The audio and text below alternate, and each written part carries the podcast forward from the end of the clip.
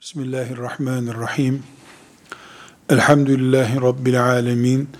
Ve sallallahu ve sellem ala seyyidina Muhammedin ve ala alihi ve sahbihi ecma'in. Esasen Adem aleyhisselamdan beri aynı dünya toprağında insan yaşıyor. Adem aleyhisselamın çocukları olarak aynı insanlık, aynı dünya ve aynı iman ortak paydamızdır. Allahu Teala'nın cenneti de değişmedi, cehennemi de değişmedi, iman da değişmedi. Değişen çağlara göre, şartlara göre ambalajları farklı hale gelmiş. Taktikleri bir aşağı bir yukarı alınmış şeytan oyunlarıdır. Biz Müslümanlar olarak kıyamet sabahına kadar ömrümüz olsa ve bütün imtihanlar bizim için uygulanacak olsa aynı imanla aynı ruh ve heyecanla karşı duracağız demektir. Bu sebeple Müslümanlar olarak teknoloji çağında oluşumuzu veya dünyaya hakim güçlerin İslam için takdir etmeye çalıştıkları taktiklerini, planlarını bahane edip kulluğumuzu erteleyemeyiz. Ama iki hakikat var. Birincisi Resulullah sallallahu aleyhi ve sellem haber verdi ki bize kıyamete yakın bazı farklılıklar, büyüyen sorunlar, fitneler olacak. Biz bu fitnelerin, imtihanların, belaların üzerindeyiz. Yaşadığımız zaman bütün zamanlardan daha fazla bu sorunlarla karşılaştığımız zamandır. İnsanoğlu bu yaşlı dünyada iblisin bu kadar seri çalıştığını belki de görmemiştir. Bu birinci nokta ve bir hakikat bu. Bir hakikat daha var. O da nedir? Rabbimiz iblis güçlendikçe, taktikleri ve yardımcıları çoğaldıkça bizi yalnız bırakıyor değildir. İmanımız kıyamete kadar ömrümüz olsa o zamana kadar iblisin ve adamlarının bütün taktiklerine karşı yeterli olacak bir imandır.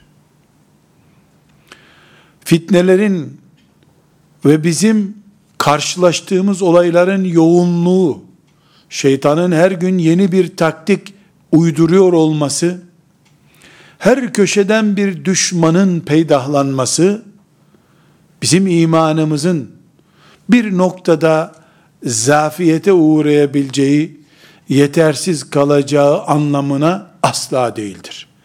Eğer bir grup Müslümanda veya Müslümanlardan birinde bu anlamda bir sıkıntı oluşuyorsa, artık kendisini yetersiz hissediyorsa, dayanamayacağını düşünüyorsa ya da imanın bugünler için değil de ashab-ı kiram günleri için planlanmış bir şey olduğunu, Allah'ın kitabı Kur'an'ın bu günleri kuşatamayacağını zannediyorsa, zaten iblis onun veya o topluluğun başında zafere ulaşmış demektir. Müslümanlar bir kişi veya bir kitleyi kaybetmişler demektir. Allah'a ve ahiret gününe iman eden, Kur'an-ı Kerim'i kıyamete kadar müminlerin rehberi olarak gören, imanı bu şekilde olan içinse bir sorun yoktur. İman ağırlaştıkça, şeytan gerdikçe, çareler azalıyor gibi oldukça, mümin iman potansiyelini artırıyor demektir. Kur'an'ımız Ahzab olayını yani Hendek Savaşı esnasındaki olayları bir kısım ayrıntılarıyla bize anlatıyor ki bu aydın bu ayrıntılardan kıyamete kadar Müslümanlar kendilerine ders çıkarsınlar. Bunlardan biri de yukarıdan ve aşağıdan, yandan, sağdan, soldan sıkıştıran iblis ordularına karşı gerçek mümin olanlar, Resulullah sallallahu aleyhi ve sellemin etrafında etten kemikten büyük ordular kuran o ashab-ı kiram Allah ve Resulü bizi aldatmamıştır. İmanımız bugünler içindir zaten diyerek imtihan kazandılar.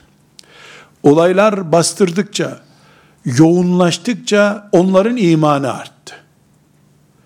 Bu ayarlamayı yapamayanlar, olaylara karşı kendisini naçar, beceremez, hiçbir işin altından kalkamaz zannedenler, esasen ümmetin de önünde bir engeldirler.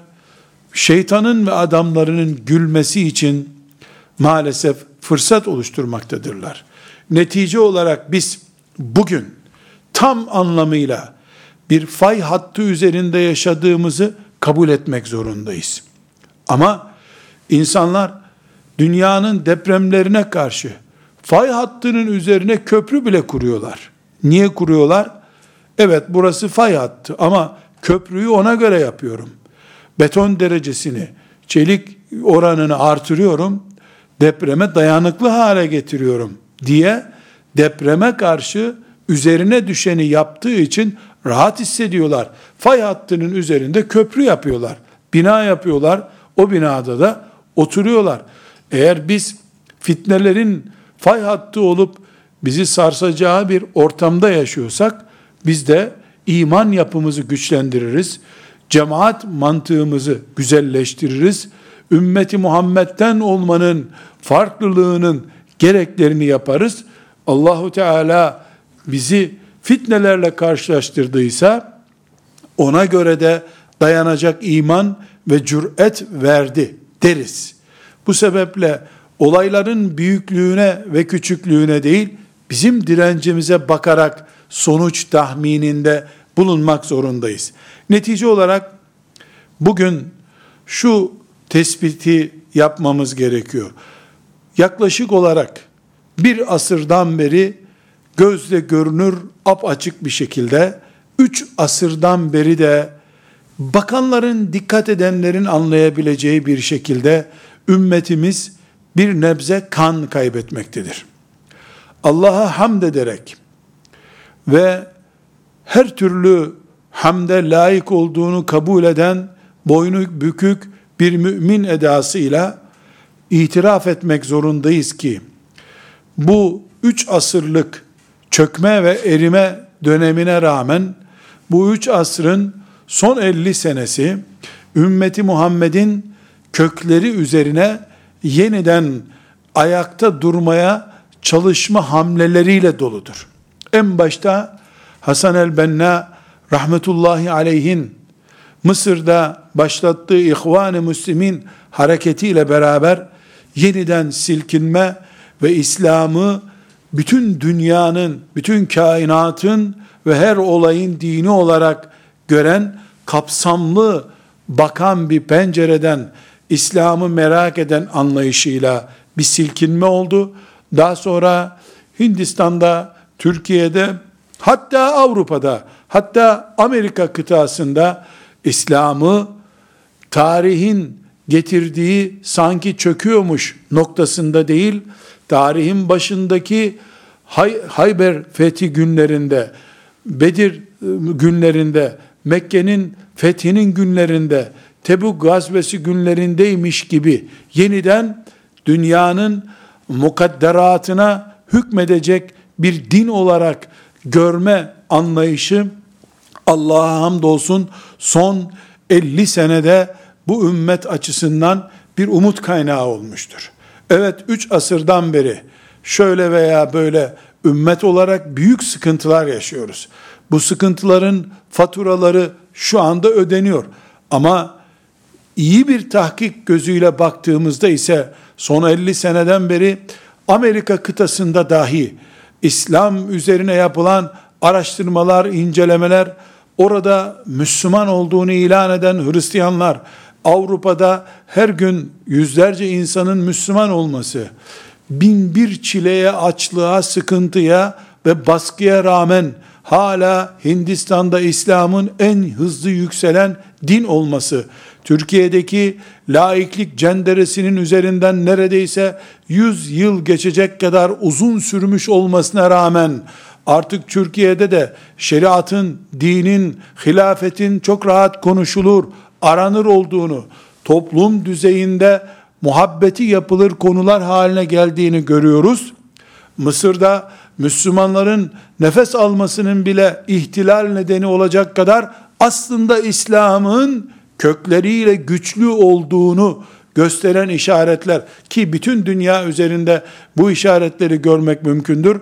Komünizmin 50 sene kan kusturmasına rağmen Orta Asya ülkelerinde hala İslam'ın en canlı din, en aktif hareket olarak bulunması bütün dünya üzerinde genç nüfus bakımından İslam bütün sistemlerin başında gelen bir gençlik yoğunluğu taşıyan din olarak biliniyor olması hepimizin Rabbimize yerle gökleri dolduracak kadar büyük bir şükürle şükretmesini gerektirecek İslam'ımızda, Kur'an'ımızda, şeriatımızda övünmeyi hak ettiğimizi gösterecek işaretlerdir. Bütün bu şirk baskılarına, küfrün, tağutların bunca büyük planlarına rağmen Kur'an-ı Kerim'in hala on binlerce çocuk tarafından ezberleniyor olması, hala insanların Kur'an'ın iman edenlerinden olmayı büyük bir övünçle konuştukları topraklarda yaşıyorsak biz çoktan elhamdülillah İslam'ın zaferinin işaretlerini aldık demektir. Ama Allah'ın kaderi odur ki toplumlar, milletler bozulurken de 10 senede bozulmuyorlar. Asırları buluyor bu. Düzelirken de 10 senede düzelemiyorlar. Asırları buluyor. Elhamdülillah İslam ve Müslümanlık yükseliş dönemindedir. Küfür dağılma ve ezilme dönemine girmiştir. Belki 10 sene, belki 20 sene sürecektir. Biz görmesek de ki görmemiz şart değil. Çünkü kendi menfaatimiz için istemiyoruz bunu. Ümmetimiz görsün. Bu topraklar yeniden kelime-i şehadetin sancak olduğu günleri görsün istiyoruz. Bu kaç asır sürerse sürsün ki Allah'ın izniyle asla yarım asır bile sürmeyecektir. İslam'ın ezanı, şeriatı biiznillah bu topraklara da bütün dünya topraklarına da hükümran olacaktır. Çünkü vallahu galibun ala emrih. Allah bütün işlerinde galiptir aslında. İnsanlar anlamasalar bile, hatta camilerde namaz kıldığını söyleyen Müslümanların bir kısmı bile anlamasa da Allah emrinde galiptir. Eninde sonunda Allah'ın şeriatının hükümranlık nöbeti gelecektir. Bu bir kaderdir. Allah'ın kaderi asla değiştirilemeyecektir. Bunun için biz bugünkü görüntüye değil, bugünkü görüntünün sonrasına göre hesaplar, kitaplar yapacağız. Oturup matem üzerine gün geçiremeyiz. Oturup biz yaralarımızı sarmakla, pansuman yapmakla vakit geçiremeyiz. İnşallah bu yaralarımız iyi olacak. Bu yara bizi öldürmez diyeceğiz. Bu yara bizi öldürmez. Biz dirileceğiz, ayağa kalkacağız. Ayağa kalktığımız günlerin hesapları üzerinden iş yapmak, nesil yetiştirmek, hatta dualarımızı bile o günler için hesap etmek, yapmak zorundayız. Yani bugün oturup, Ya Rabbi yaralarımıza şifa ver demekten daha evlası, Ya Rab ayakta olduğum günler cihat etmeyi bana nasip et diye geleceğe yönelik dualar yapmamız ki bu dua aslında şimdiki yaralarımın tedavi olması için de dua etmektir zımnında. Bu sebeple biz ümmet olarak kahrolma hakkına da sahip değiliz. Fay hattındayız. Fay hattı şartlarında kulluğumuzu yaparız, ibadetlerimizi yaparız, emelimizi, umudumuzu saklarız Allah'ın izniyle de fay hattında da olsa hayatımızı sürdürmekle Rabbimizin rızasını kazanırız. Ancak bir ayrıntıya girmemiz gerekiyor. Ne yapmamız lazım? Acil planlarımız ne olmalıdır? Neye öncelik vermeliyiz gibi sorulara cevap bulabilmek için bugünkü halimiz yaklaşık olarak 3 asırdan beri devam eden bu kargaşa ve bir tür erime esnasında nelerle karşılaştık? Sadece zaaf noktalarımız, kaybetme alanlarımız belli olsun diye 10 maddede bunları özetleyebiliriz. Ne kaybettik şu anda? Acilen ne toparlamamız lazım? Bunu niye bilelim istiyoruz? Yaramızı tazelemek için değil. Ayağa nereden kalkacağız? Bu çömeldiğimiz yerden kalkmak için önceliğimiz ne olmalı? Bunu tespit etmek bakımından 10 önemli sıkıntımızı gündeme getirmek zorundayız. Birinci önemli sıkıntımız bilhassa bu sekülerizm Müslümanların içinde filiz ve boy gösterisinde bulunduğu zamandan beri yani bir tür tanzimat kanunlarıyla ya da Avrupa'dan getirilmiş e, delikanlıların, gençlerin ümmeti Muhammed'in içinde yeni bir Müslümanlık anlayışı, yeni bir milliyet anlayışı peyda ettikleri zamandan beri Müslümanların ciddi bir kimlik kaybı vardır. Bu kimlik kaybı pek çok alanda kendisini göstermiştir. Hocalığı, Kur'an muallimliğini mezar bekçiliği gibi gösteren anlayış budur. Hocalığı, Kur'an eğitimi almış, Kur'an muallimi olmuş insanları cenaze yıkayıcısı olarak gören, tahkir eden anlayışın nedeni budur. Kimlik kaybı olmuştur. Ben La ilahe illallah Muhammedur Resulullah dedim. Bu dünyanın en şerefli insanıyım. Bu dünyada Allah benimle beraberdir. Dünyanın bütün nüfusu bir cephede olsa, ben tek başıma olsam, Allah'la beraber olduğum için mutluyum ve umutluyum diyen kudretli anlayışın yerine e biz Müslüman doğduk şükürler olsun Müslümanız elhamdülillah diyen anlayış vardır. Allah'ın neskettiği, kaldırdım dediği, siz din uydurdunuz, kitabıma ilave yaptınız, sizi kabul etmiyorum, siz sapıksınız, bid'at ehlisiniz dediği Hristiyanlar ve Yahudileri 300 kardeş olarak gördük İslam'ın onca azametine ve azizliğine rağmen. Resulullah sallallahu aleyhi ve sellemin bütün peygamberlerin sultanı olmasına rağmen onu, şeriatını, Kur'an'ını üçlü bir masaya oturmayı bile kendimiz için nasiplilik gördük. Kendisini bir papazla muhabbet ederken fotoğraf çektirebilenler bununla övündüler. Papazlar beni adam yerine koydular dediler. Yahudi ile bir şirket bağlantısı kurabilenler maşallah deneceğini zannettiler. Neden? Kimlik kaybı oldu. Ve bu kimliğimize sarık işaret ettiyse sarık söküldü. Kimliğimizi şalvar simgelediyse şalvar çıkarıldı. Kimliğimizi hatta düğmesi sağ tarafta olan bir gömlek giymekse söz konusu olan o bile değiştirildi. Sol taraf üstte olan gömlek giyildi. Eskiyi, orijinal kimliğimizi göstermesin diye. Düğünümüze yansıdı, cenazemize yansıdı, haccımıza yansıdı, ev mobilyamıza yansıdı, konuşmamıza yansıdı, selamımıza yansıdı, vedamıza yansıdı, çocuk yetiştirmemize yansıdı. Hayatın tamamı için bir şeriat getiren, nefes almaya şekil veren, tuttuğumuz orucun bile sahurunun dahi Hristiyan ve Yahudinin sahuruna benzememesini isteyen Peygamber aleyhisselamın onca ısrarlı emirlerine ve tavsiyelerine rağmen onlar filan gün oruç tutuyorsa biz Musa adına tutulan orucu ya da Musa'nın ismi etrafında tutulan orucu farklı tutarız diyen Resulullah sallallahu aleyhi ve selleme rağmen kimlik kaybından dolayı neredeyse orucumuz bile etkilenecek oldu. Bu kimlik kaybından. Demek ki kaybettiğimiz birinci şey ben müminlerdenim.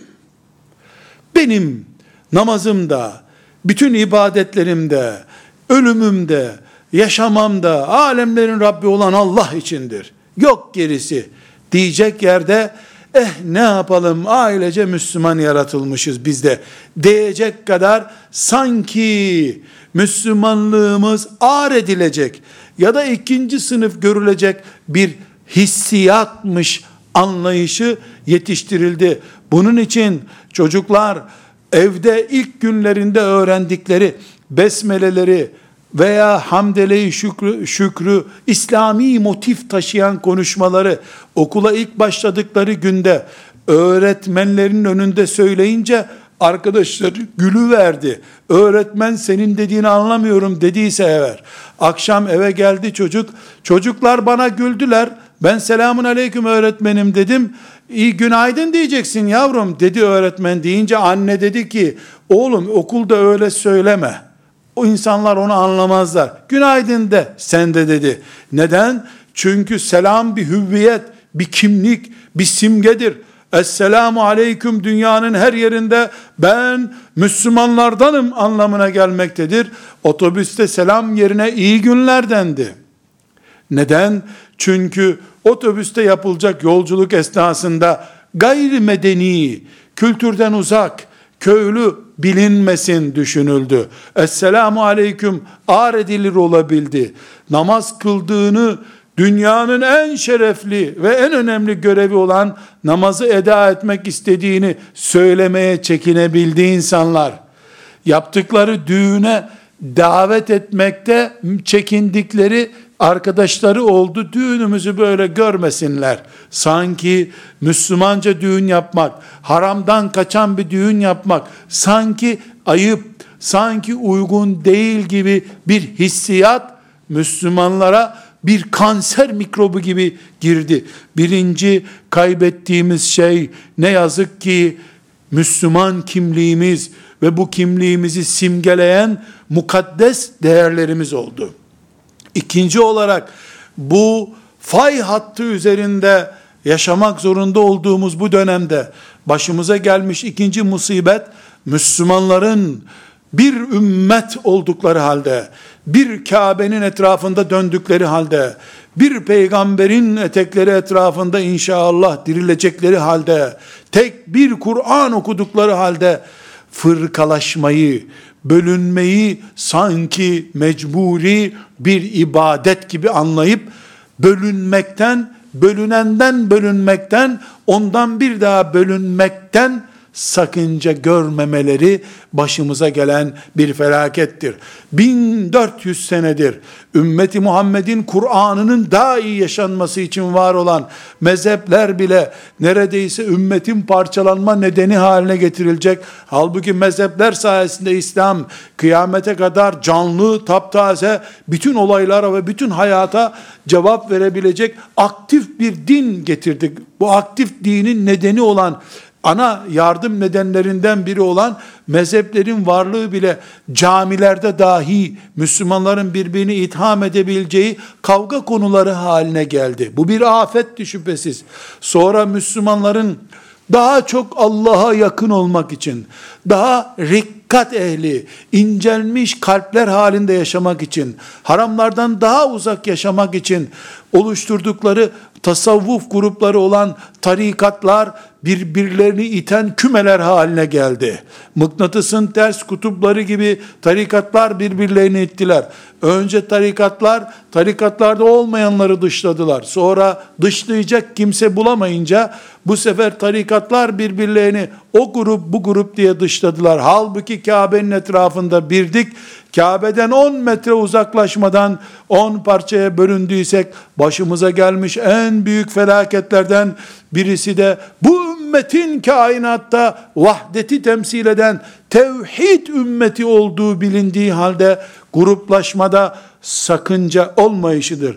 Bu sözümü bilerek, isteyerek, altını çizerek ve tekrar vurgulayarak söylüyorum. Eğer İslam'dan daha değerli bir mezhep, İslam'dan daha değerli bir tarikat, bu ümmetin sahabisinden herhangi birinden velev ki Vahşi radıyallahu anh olsun daha değerli bir şeyh efendi, veli hazretleri, alim, müştehit diye bir düşünceye sahip oluyorsa Müslümanlar İslam parçalanmak için şeytanın elinde oyuncağa dönüştürülmek isteniyor demektir. Ashab-ı kiramdan daha değerli alimi olan bir ümmet olamayız biz ashab-ı kiramın en düşük mertebelisinden daha değerli bir şeyh varsa bu dünyada İslam'ı kaybettik demektir. Hilafeti kaybetmeden önce İslam'ı kaybettik biz demektir. Allah'ın çizdiği İslam'ın kaderinde ashab-ı kiramdan daha üstün olmamak bütün Müslümanların itiraf etmesi gereken bir gerçekken kim olduğu bile meçhul olan, ahirete nasıl gideceği meçhul olan insanlar sadece grup beraberliğinden ve benzerliğinden dolayı ashab-ı kiramdan daha iyi görülen bir dünyada fay hattı çatlamış, o hattan bir kısım insanlar cehenneme doğru yuvarlanmışlar demektir. Genç mümin kardeşlerim, genç bacılarım, Allah'ın lütfu ve keremiyle fay hattının üzerinde bütün bu parçalanmışlıklara rağmen Allah Muhammed aleyhisselam, ashab-ı kiram, ondan sonra bu ümmetin büyüklerinin sıralaması diye bir sıralama yapacak. Bütün bu yanılmış, hata eden ümmeti Muhammed'in parçalanmasında sakınca görmeyen anlayışlara karşı Allah'ın izniyle bu ümmetin tevhid ümmeti olduğunu bir kere daha ispat edecek nesil gelmiştir elhamdülillah. Sırf bunun için bu umuttan dolayı ben bu düşünceleri taşıyan binlerce genç gördüğüm için, binlerce genç kızın ümmeti Muhammed, gerisini boş ver, diyen idrake sahip olduğunu gördüğüm için umut doluyum. Rabbime hamd ediyorum. Bu sebeple tabelası, İslam'dan değerli vakıfları ve dernekleri lanetliyorum. Tabelası, marka değeri, ashab-ı kiramdan, ümmeti Muhammed'in orijinal kimliğinden daha değerli olan bütün oluşumlar batıl İslam'ın içinde bir kanser maddesi olarak durmaktadır diyorum, reddediyorum. Ayıplıyorum bu düşünceyi benimseyenleri. Evet ümmetimiz ikinci büyük tehlike olarak bu yuvarlanış sezonunda maalesef ki fırkaları görmüşlerdir. Evet, Abbasi döneminde de fırkalaşma, gruplaşma vardı. Moğollar istila ettiklerinde Bağdat'ı bir fırkalaşma vardı. Ama Baybars Mısır'da ey Müslümanlar fırkalarınıza son verin gidiyoruz ümmetin topraklarını kurtarıyoruz deyince bütün mezheplerden bütün tarikatlardan insanlar Baybars gibi bir kölenin etrafında köle adamın etrafında toplandılar ve Moğolları da Haçlıları da perişan ettiler. Yani ümmetin canı tehlikede olunca, ümmetin varlığı tehlikede olunca gruplarından ferahat etti insanlar. Varlıklarını İslam'a ve ümmete feda ettiler. Bu noktaya doğru inşallah giden nesil Allah'ın izniyle Baybars'tan daha güçlü, daha muvahhid, daha ciddi ve daha orijinale sadık bir şekilde İslam'ın canlı günlerinin şahidi olacaktır Allah'ın izniyle. Üçüncü olarak da bu üç asırlık ve son bir asrında çok daha bariz bir şekilde ortaya çıkan üçüncü sıkıntımızda bu dünya hayatının süs ve dekorlarının ana gayemiz haline gelme hastalığıdır. Dünyaya meyletme, dünyayı cennetleştirme, cennetteki nasibimizi dünyada almaya çalışma hastalığı, dünyanın mukaddes bir put haline gelmesi, elbette dünyanın epilepsi şeklindeki haritasının önünde oturup da secde etmeyi kastetmiyoruz.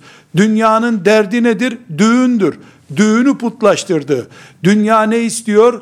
Evin putun olsun istiyor. Evini putlaştırdı. Ev uğruna faize battı. Dünya ne diyor? Arkadaş hatırını peygamber hatırından üstün tut diyor. Onu yaptı.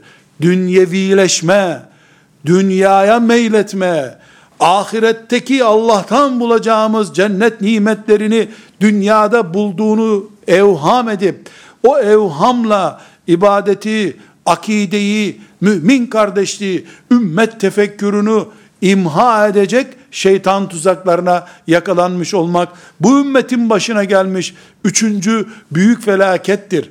Bu ümmet Allah'a dönerken dünyayı bırakıp dönmek zorundadır. Hem dünya olsun hem cennet olsun kimseye nasip olmadı. Bu ümmete de nasip olmayacak. Elbette dünyadaki nasibimizi unutacak da değiliz. Ama dünyalık edinmek, dünyadan nasibini almakla dünyaya tapınmak arasında fark olduğunu da bilmek zorundayız. Yani Müslümanlar hep fakir olsunlar, zelil olsunlar, sürünsünler diye hiç kimse bize bir dayatma yapamaz. Müslümanlar zengin olsunlar, bütün dünya nimetlerinin sahibi olsunlar. Ancak Allah'ın hakkının verildiği, ibadeti engellemeyen, mümin kardeşliğimize, ümmet şuurumuza zarar vermeyen, insanlığımızı maddenin kölesi haline getirmeyen bir dünya, dünya malı helaldir, güzeldir, gereklidir. Hiçbir sakıncası da yoktur. Ama ne yazık ki dünya uğruna dünyevi bir koltuk peşinde bir belediye başkanlığı, bir meclis üyeliği veya bir yerdeki müdürlük veya bir okulda öğretmenlik uğruna akideden, imandan taviz vermek, şeriatın bir kısmını yok kabul etmek veyahut da mümine silah doğrultmak, mümine iftira etmek, bir vakit namazın ihmal edilmesinde sakınca görmemek diye özetleyebileceğimiz dünyevileşme hastalığından ve tehlikesinden konuşuyoruz. Ümmeti Muhammed'in başına gelmiş bu dördüncü felakettir. Beşinci felaket de ümmeti Muhammed'in bütün çeşitleriyle cihadı dosyası rafa kaldırılmış bir Allah emri olarak görmeleridir. Başımıza gelmiş gökten düşmüş taş budur işte. Halbuki nefislerimizin terbiye edilmesi, nefis cihadımız başta olmak üzere, içimizdeki şeytan fitneleriyle cihad etme, münafıklarla cihad etme, ümmetin topraklarında, servetinde ve ümmetin şahsiyetinde gözü olan büyük düşmanlarla aleni cihad etme, herhangi bir çeşidiyle, kalemle yapılan, dille yapılan, gönülle yapılan, kalple yapılan olsun, ibadet yaparak, dua ederek, hangisiyle olursa olsun, cihat kafalı mümin olmayı kaybettiğimiz günden beri düşüşteyiz. Elhamdülillah ki, nefis terbiyesi başta olmak üzere, sabah namazını cemaatle kılmak, zevk ve lezzetine uğraşmak, ulaşmak için gayret eden gençler başta olmak üzere cihat anlayışı yeniden hareketlenmiştir. O kadar hareketlendi ki birileri bizim cihat anlayışımız üzerinden İslam'ı çökertmek için cihadın su istimal edilmiş, sömürülmüş, yanlış şekillendirilmiş uygulamalarını da bütün dünyaya işte cihat denen budur diye göstererek yeşeren cihat duygularımızın daha yeşermeden fidanken koparılmasını istemektedirler. Boşuna uğraşıyorlar. Boşuna uğraşıyorlar. Çünkü bu ümmetin cihadı unuttuğu, Çanakkale'de ölülerle, şehitlerle beraber gömüp gönderdiği hissiyat Allah'ın izniyle yeşermeye yüz tutmuştur. Bahar yakındır. Üzerinde çiçekler de açacak, dal da büyüyecek, meyve de verecek cihat Allah'ın izniyle. Hem de şeytan delirinceye kadar, şeytan çıldırıncaya kadar cihadı uygulayan bir nesil geliyor ki internette her şey mubah olduğu halde cep telefonu dünyanın bütün rezilliklerini avucun içine getirdiği halde cep telefonuyla da olsa bilgisayarıyla da olsa nefis terbiyesine karşı sulanmayacak, harama bakmayacak, harama tutmayacak ve böylece en büyük cihat olan nefis cihadında muvaffak olacak bir nesil geliyor. Bunun için Allah'a hamd ediyoruz. Bu nesil elbette yoruluyor, zorluklarla karşılaşıyor. Elbette bu nesil yaptığı şeyin herhangi bir şekilde kolayca yapılabilir olmadığını biliyor. Bildiği için de yılmıyor Allah hamdolsun. Ama neticede özet olarak diyebiliriz ki bu ümmet bir beşinci değer olarak, bir dördüncü değer olarak cihadı çok yanlış bir şekilde ikinci sınıf insanların veya veya içimizden seçilmiş askerlerin, askerlik görevi olanların, mücahit dediğimiz kimselerin yaptığı bir görev olarak görmüştür. Ama yeni nesil, ashab-ı kiramı örnek olarak gören, yeni uydurulmuş tabelaların değil, ümmeti Muhammed'in delikanlıları iman etmektedirler ki, nefis terbiyesinden münafık mücadelesine, küfürle ve kafirlerle mücadeleye varıncaya kadar her çeşidiyle, kalemle, elle, dille, zikirle, yürüyerek, direnerek, dik durarak, hangi şartlarda gerekiyorsa, o şartlarda cihadı yapmaya hazır bir nesil vardır. Allah'a hamd ediyoruz. Bu da İslam'ın umududur. Bu umut görüldüğü için kafirler tarafından veya iblisin adamları tarafından bugünlerde Müslümanlara cihadı kelime olarak dahi kullanmamaları için algı baskısı yapılmaktadır. Bunun için cihat diye film stüdyolarında çekilmiş vahşi görüntüler bütün insanlığın nefret edeceği bir tarzda te- teşhir edilmektedir. Ne ederse etsinler. Hiçbir horoz ötse de ötmese de fecrin doğmasını engelleyemeyecektir. Bütün horozlar toplansalar, tavuklar toplansalar, tavuklar da horoz gibi ötseler, seslerini kesseler de, fazla bağırsalar da fecir doğmayı karar vermiştir. Fecri sadık haktır Allah'ın izniyle gelecektir. Meşakkat çekeriz. Fay hattındaysam ben, fay hattında olmanın bedeli de varsa şahit ol ya Rabbi. Ruhumuz, canımız başta olmak üzere her ne bedelse senin takdir buyurduğun kabul ettik. Teslimiz ya Rabbi. Sadece boynumuzu uzatıp kıldan incedir boynum. Al bunu demeyi değil. Boynumu almadan binlerce sene beni zor şartlarda kullanmayı murad ettiysen de ya Rabbi ona da hazırım. Çünkü boynumu verdim iki saniyede kurtuldum bir rahatlıktır aslında. Onu değil meşakkatlerle geçecek yıllara rağmen biiznillah hazırız diyen nesil bu ümmetin fay hattında değil volkanın içinde bile biiznillahü teala bitmez bir heyecanını göstermektedir. Ve beşinci olarak da bu ümmetin bu asırda başına gelen musibetlerden biri bilhassa Avrupa'daki teknoloji devriminden sonra sanayileşme devriminden sonra iç fırkalaşmalar ve Allah'ın dinini yanlış anlamalar.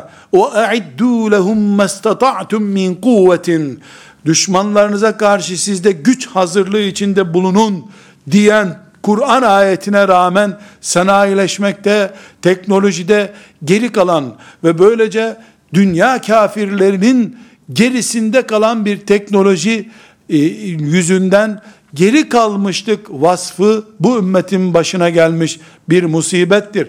Birisi çıkıp ben size herhangi bir yerde şu fabrikayı kurayım, güçlenelim dediği zaman onunla Müslüman olduğunu söyleyenlerin bile yıllarca alay etmesinin nedeni budur. Çünkü şeytan Müslümanların teknolojide, sanayileşmede, hatta iletişimde, hatta sosyalleşmede çağın gerisinde, çağların çok gerisinde kalmasını istemektedir. Ama Allah'ın izniyle bu da bitmiştir. Eğer bilgisayarsa onların teknolojisi bu artık Müslümanlarda vardır. Müslümanlar elhamdülillah ümmeti Muhammed'in çocukları artık teknolojinin yabancısı değildir. Vakti gelmiştir. Teknolojide onların da gideceği yer bitmiştir. Ama biz geriden de gelsek Allah'ın izniyle imanımızın da verdiği ek takviye ile teknoloji açığını da kapatacağız ve bir iznillah bu ümmet hak ettiği orijinal yerine biiznillah kavuşacaktır. Ve bu üç asırlık yıkım döneminde karşımıza çıkan bir başka sorun ya da bu fay hattını çokça hissettiğimiz, fay hattında olduğumuzu çokça hissettiğimiz altıncı başlığımız da ümmeti Muhammed'in örnek şahsiyet sorunu yaşamasıdır. Ashab-ı kiram Allah onlardan razı olsun. Resulullah sallallahu aleyhi ve sellemi insanların arasında bir insan olarak görüp Allah'a kulluğuna hayran olarak peşinden gittiler. Bir örnek 120 bin örnek oldu en azından 23 yılda. Sonra ashab-ı kiramın o muazzam imanını gören tabi'in aynı şekilde onları taklit ettiler. Ama tabi'in neslini görenler ashab-ı kiramın 120 bini de izlendi. Deyim yerinde ise 120 bin 500 bin oldu. Daha sonra İslam toprakları çok büyüdü. Çok büyüyünce pek çok insan hatta Müslüman nüfusun çok önemli bir bölümü Müslümanların örneği olan tabi'in neslini, tebeut tabi'in neslini göremediler. Örneği görmeden Müslüman oldular. Bu sefer orijinali görmeden Müslüman olanlar, duymakla sadece Müslüman olanlar bazı şeyleri iyi niyetle de olsa doğru yapıyor zannederken yanlış yaptılar. Bu yanlış bir açı gibi çıktı, büyüye büyüye bizim zamanımıza kadar geldi. Yer yer Allah, Nevevi gibi, veya İzz ibn Abdüsselam gibi, İmam Gazali gibi muhteşem örnek isimleri gözler açılsın, herkes aklını başına getirsin diye asır asır gönderdi Allah. Ömer bin Abdülaziz gönderdi. Müslümanlar sanki ashab-ı kiramı görüyor gibi örnekler gördüler. Ama ne yazık ki bu asırda hilafet kaldırıldıktan sonra İskilipli Atıf gibi rahmetullahi aleyh örnek olacak şahsiyetler tek tek ipe gönderildi. Kimi suikastlerde, kimi zindanlarda çürütüldü, imha edildi. Bir kısmı da baskı altına alındı, evinden senelerce çıkması yasaklandı. Böylece yaklaşık bir asırdan beri ümmeti Muhammed'in yetişen nesli işte Allah'tan korkan adam. İşte cennete girecek adam. İşte malıyla, canıyla, nefsiyle cihad eden adam. İşte gündüz at üstünde, gece ise seccade üstünde olan adam, işte mala esir olmayan zengin, işte sözüyle kalbi aynı olan mümin muvahhid, işte siyasetten, ticaretten, ziraatten, ibadetten aynı anda, aynı oranda anlayan dengeli Müslüman. İşte bir avucunda dünya, öbür avucunda ahiret, ahireti ezip dünyayı almaya çalışmayan ama dünyayı da kafire bırakmayan, kendi çapında tam bir ümmet gibi yaşayan adam diye örnek göremediler. Üç kişi, beş kişi, öyle çaktırmadan kardelen gibi büyümeye kalkacak olsa, basınıyla, algısıyla onu adeta fırtınanın içinde yaprak gibi uçup kaybolan bir değer haline getirdiler. Dolayısıyla ümmeti Muhammed kitaplarda var olan Abdülkadir Ceylani'leri duydu. Bir Abdülkadir Ceylani görmediler ama. Bir Cüneydi Bağdadi görmediler. Göremediler. Çünkü Cüneydi Bağdadi'nin peşinden gittiğini söyleyenler ya kalktılar filanca siyasiye yaltaklık yaptılar. Ya da ona karışma buna karışma bir şeye karışmama uzmanı gibi bir kenarda durdular. Ya çok namaz kıldılar ama dünya malına tenezzül ettiler. Ya dünya malını infak ediyorum derken yanlış yerlere yatırım yaptılar. Bir dengesizlik adamı oldu. Adam koltuğunda duranlar. Dolayısıyla gençler kitaplarda gördükleri veya ümmeti Muhammed'in dilden dile aktardığını gördükleri şahsiyetlerin örneğini göremediler. Bu örnek görülemeyişi, canlı bir örneğin arkasından gitme şansı bulamayan nesil ciddi bir şekilde zorlandı. Elhamdülillah, elhamdülillah. Hiç kimse yoksa 10 yaşında, 12 yaşında Kur'an-ı Kerim'i bir oturuşta okuyan, şimdi de sıra Bukhari'yi ezberlemeye geldi diye hadis kitabına yığılan genç Enes İbni Malik'i örneklendirdi. Ben doğdum, Büyüdüm elhamdülillah evlendim çocuğum oldu. Doğum yaptığım gün Allah'ım tıpkı Enes İbni Malik'in anasının yaptığı gibi bu çocuğumu sana adıyorum. Şeriatını adıyorum diyen genç analar var artık. Örnek var.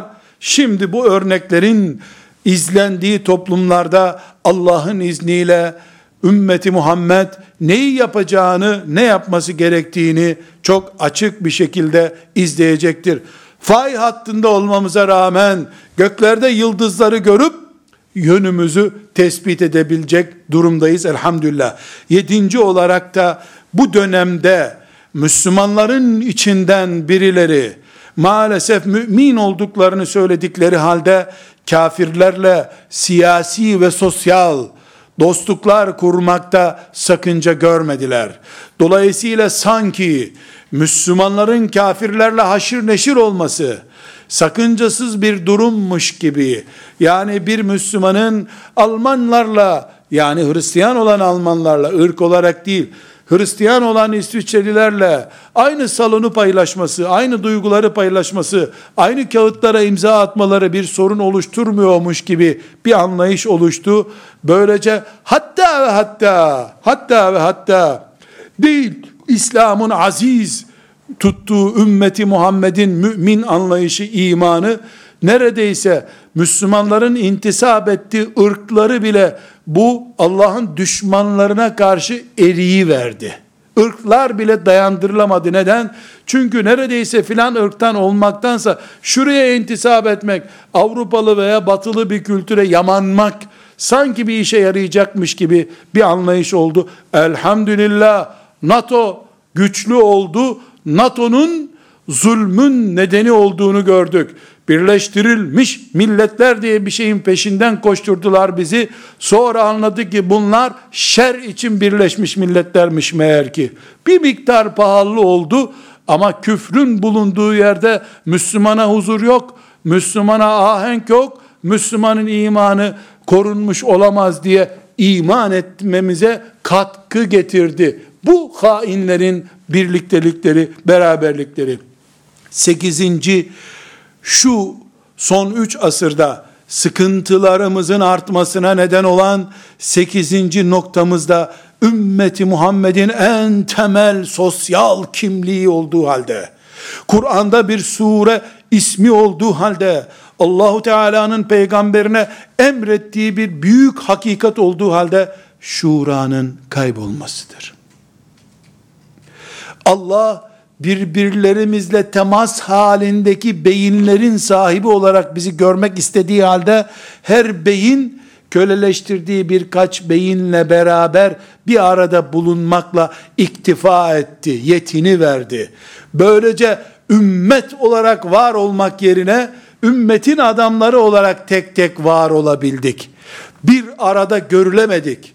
Kabe'yi tavaf ederken bile farklı düşündük birbirimizin düşüncesini Allah emrettiği halde tek kafalı olun şura yapın namazla zekat arasında bir kaynaşma noktası gibidir şura. Siz namaz kılan şura yapan ve zekat veren bir ümmetsiniz buyurduğu halde Kur'an'ında sanki şura tarihten nostaljik bir uygulamaymış, marjinal bir işmiş gibi, sanki Resulullah sallallahu aleyhi ve sellem Uhud muharebesine giderken şura ile emredilmiş bir peygamber değilmiş gibi, şurayı istediğimiz zaman ihmal edebileceğimiz bir kaynak olarak görünce, küfrün karşısında tek kafa olamadık. Birimiz tarikatındaki arkadaşlarla danışmayı yetindi. Öbür tarikata bile, öbür tarikattaki mümine bile şu sormaya tenezzül etmedi. Kimimiz siyasi olduğu için buradakine sormadı. Alimlerin kıymeti olmadı. Mütefekkirler öne çıkamadılar. Ümmeti Muhammed olarak bir arada durma hazzını yaşayamadık bu sefer. Bu kaybımızın da faturası çok ağır oldu çok ağır oldu. İnşallah hilafet dönmeden önce şurası dönmüş olacak Allah'ın izniyle. Çünkü yeni yetişen nesil Allah Kur'an'a niye şura ismi koydu diye sorguluyor. Sorgulayacak Allah o nesilden razı olsun. Putlaşmış liderler değil, kafasını ilahlaştırmış liderler değil, ümmetin gençlerinin şurasına değer veren Peygamber aleyhisselamın sünnetine uyan liderler, hoca efendiler, hoca hanımlar olacak Allah'ın izniyle.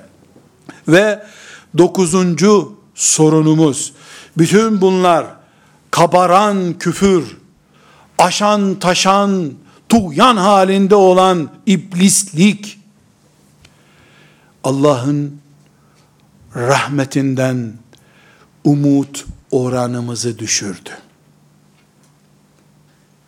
Allah öldükten sonra Sırat Köprüsü'nün başındayken rahmet eder noktasına doğru sürüklediler bizi. Halbuki Allah'ın rahmeti bu çılgın dünyanın bu tuğyan halindeki azgın dünyanın ortasında fay hattının tam üzerindeyken Allah'ın rahmetine muhtaçtık biz. Kur'an'ın devlet gücümüz olması, Allah'ın bize yardım etmesi, hangi anlamda olursa olsun, tam Allah'ın rahmetine muhtaç olduğumuz günlerde iken, neredeyse Allah, mezarlıktan sonraki bölümde rahmet eden, dünyayı da büyük güçlere terk eden bir kudretin sahibi olarak algılandı. İtiraf edilmiyor olsa bile pratiği budur bunun. Evet kimse bunu bu şekilde itiraf etmez. Çünkü herkes bilir ki Allah'ın kafirlere karşı yardım rahmetinden, hastalığa karşı şifa rahmetinden, günahlardan tövbe ederken tövbeyi kabul rahmetinden, ahirette cehenneme girmeye karşı günahları mağfiret ederek veya mümin kullarına rahim sıfatıyla muamele ederek rahmetinden umut kesmek kafir işidir. Bunu herkes bildiği için kimse bunu deklare ettiği yoktur ama Allah'ın yardımıyla biz ayakta dururuz sözünü de sadece başka bir çaresi kalmayanlar kullanmaktadır. Hem küfre karşı, şeytana karşı bütün maddi gücümüzü hazırlama hem de Allah'a dayanma noktasında zafiyetimiz vardır.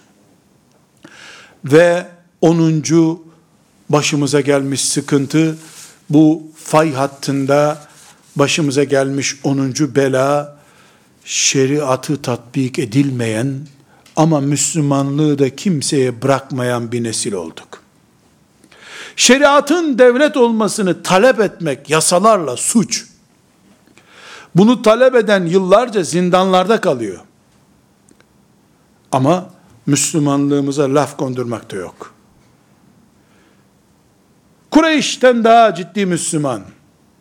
Emevilerden zaten çok daha ciddi Müslüman diyebiliyoruz. Allah'ın şeriatı nerede? Yani topluma yansıyan şekli nerede bu dinin? Evlerindeki ihtiyarların yaşadığı, kadınların bulaşık yıkadıktan sonra yaşadıkları din mi Allah'ın sizin tamamladım dediği dini? Tamamlanmış din bu din mi? Yoksa vadiden dağlara, dağlardan uzaya kadar ve kainatın güneşin ışıklarıyla aydınlatılan bütün bölümünde son söz anlamına gelen ve Kur'an'la şekillenmiş, hadis-i şeriflerle şekillenmiş İslam şeriatı mı? Ne yazık ki şeriatımızın olmadığı bir dünyada ama şeriatın simgesi olan camilerin bulunmasıyla övündüğümüz bir dünyada yaşıyoruz. Elbette şükredilmesi gereken bir nokta bu. O camilerin olmadığı noktaları da var dünyanın. Sıkıntımız yetmez bize camiler diyememe şuursuzluğundadır. Yoksa bu halimize şükretmek zorundayız. Daha beter o camilerin ezansız olduğu günlerde vardı.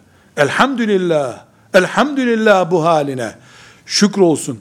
Ancak daha ileri ufuklarda gözü olması gereken bir nesil olmalıydık biz.